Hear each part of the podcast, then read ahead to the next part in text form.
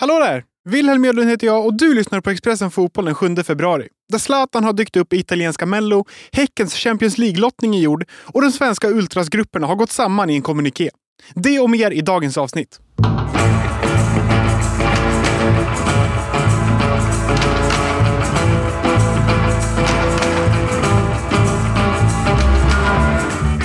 I det förra avsnittet gläntade jag på dörren till matcherna som skulle spelas och snackade om full utdelning. I alla fall i de asiatiska mästerskapen. Jordanien var verkligen inte favoriter mot Sydkorea, men de stod upp bra och lyckades få in två bollar.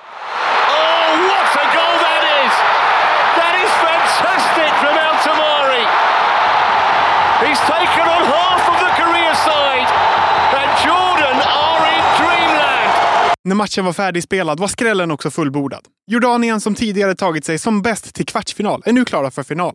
They're waiting for the whistle. The Jordanians, and now they've heard it. It is astonishing. Jordan are in the final of the Asian Cup.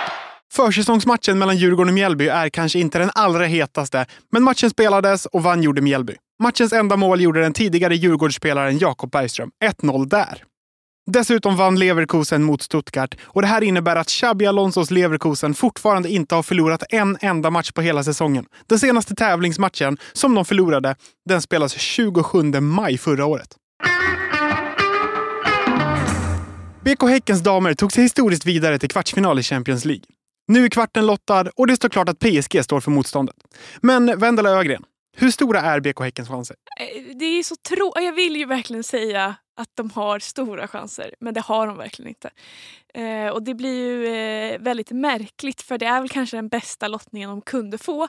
Men samtidigt är fortfarande chanserna ganska små om man ska vara liksom rent krass. Men man ska väl säga att eh, chansen att de skulle gå vidare var också ganska små från gruppen. Eh, så att man ska ju såklart inte räkna, räkna bort dem helt. Det har ju snackats om på landslagsnivå att det kan vara slutet för framgångar för svenska landslag. Ser vi samma sak på klubbsidan, tror du? Jag tror att eh, alltså Häcken här visar när de tar sig vidare, när man ser de här alltså lagen de kunde lottas mot var ju liksom, ja de hade ju Chelsea för sig i, i sin grupp men sen var det liksom Lyon, PSG eller Barcelona. Det säger ju liksom ändå ganska mycket om hur långt liksom Häcken har tagit sig i Champions League, att ta sig vidare och vara där. Så jag tycker ändå att där ger de ett litet svar på tal till oss alla som säger att det snart är det kört. Att eh, de lever vidare. Vad behöver de göra för att ta sig vidare? Ja, de, allt måste klaffa. Alltså allt. Eh, och framförallt, de börjar på hemmaplan. Och det är ju där de måste, vi måste ta tre poäng och verkligen, eh, verkligen övertyga. Går de vidare? Nej. No! Ibra! Ma non ci credo! Ma vieni! Maestro, musica. Så där lät det när Zlatan stegade in på Sanremo-festivalen och gjorde programledaren Amadeus sällskap på scenen. Sanremo-festivalen är Italiens melodifestival och det är inte första gången Zlatan syns till där. 2021 var han med och då som sidekick till Amadeus. Den gången sjöng han och spexade lite mer. Nu drog han några skämt och gick och satte sig på raden längst fram bredvid Helena Seger. Flera svenska ultrasgrupper har gått ut med en gemensam kommuniké där de berättar hur de tänker kring användningen av pyroteknik den kommande säsongen. I brevet skriver de så här. Den senaste tidens sammandrabbningar, i synnerhet de fall där pyroteknik kastas, riskerar att skapa ett klimat där det blir svårt för oss ultras att utöva vårt läktarstöd. Framförallt drabbas oskyldiga supportrar. Ska någonting förändras måste initiativet komma från supporterkulturen själv. De skriver att pyrotekniken bara ska användas i stämningshöjande syfte och att pyroteknik inte ska kastas in på fotbollsplan eller mot supportrar, spelare eller funktionärer på arenan. Vi har beslutat oss för att ta ansvar, på våra villkor, för hur pyrotekniken används på arenorna. Vi gör det för att fortsatt kunna leverera arrangemang i europeisk toppklass. Men också för att manifestera att det är vi och inte till exempel polisen eller politiker som formar de svenska läktarna. Johan Lindvall, generalsekreterare för SEF, han tycker att det är ett bra steg på vägen, men han är inte helt nöjd än. Vi vill ju att eh, supportergrupperna liksom reflekterar och att, att kraften till förändring kommer inifrån de här grupperna. Eh, och det, det är ju positivt. Eh, men eh, vi, behöver se mer liksom, eh, eh förändringar till 24 eftersom vi, vi har nolltolerans eh, gällande pyroteknik på arenorna och utskjutande och bangers och sådär. Så att, men, men positivt att de reflekterar, men, eh, men ehm, det, det, det behövs mer. Välkommen till Coolbet där spänningen aldrig tar slut och underhållningen står i centrum. Här får du inte bara Sveriges bästa fotbollsodds. Du får också en spelupplevelse som är rättvis, transparent och framförallt rolig. För oss handlar det om mer än bara spel. Det handlar om att ta en paus, att våga chansa och att kanske vinna stort. Det oväntade gör varje ögonblick unikt. För dig över 18 år, stödlinjen.se.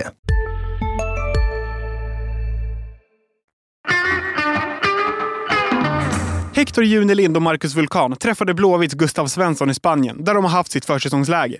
37-åringen berättar om beslutet att inte lägga av, men jättemycket längre kommer han kanske inte spela. Vad talar för att du spelar i Allsvenskan när du är 40 år gammal? Väldigt lite. Men eh, det skulle vara min envishet, envishet eh, min tävlingsvilja. Eh, vägra ge upp. Gillar när det gör lite ont. Men eh, det skulle också vara det i så fall. Men, eh, så att, väldigt lite. Men eh, jag vet fan. Det finns kanske någonting i mig som ändå eh, skulle vilja eh, bara bita ihop och köra på. Han passar också på att skicka en pik till Henrik Rydström, tränare i Malmö. Grisigaste spelaren du mött i din karriär? Det som eh, dyker upp i huvudet är väl kanske Rydström när han spelar. Ehm, men det var också jävligt roliga duster. Men eh, han kunde inte göra något annat än att bara sparka ner folk, så det var, var väl det. Hela intervjun går att läsa på Expressen.se eller i Expressens app. Också idag spelas det fotboll och det har blivit dags för semifinaler i de afrikanska mästerskapen. Nigeria, Sydafrika klockan 18 och Elfenbenskusten mot Demokratiska republiken Kongo klockan 21. Dessutom spelas den andra semifinalen i Asiatiska kuppen. Iran mot Qatar klockan 16. Vinnaren ställs mot Jordanien.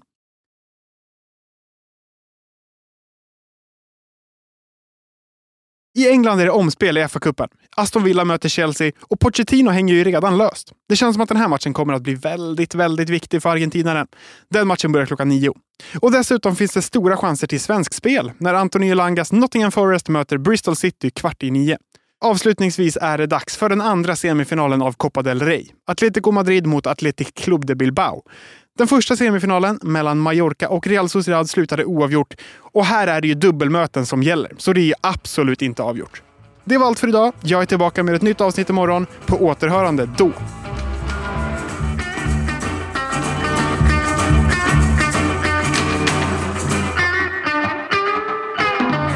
Du har lyssnat på en podd från Expressen. Ansvarig utgivare är Klas Granström. Hej, Synoptik här. Hos oss får du hjälp med att ta hand om din ögonhälsa. Med vår synundersökning kan vi upptäcka både synförändringar och tecken på vanliga ögonsjukdomar. Boka tid på synoptik.se.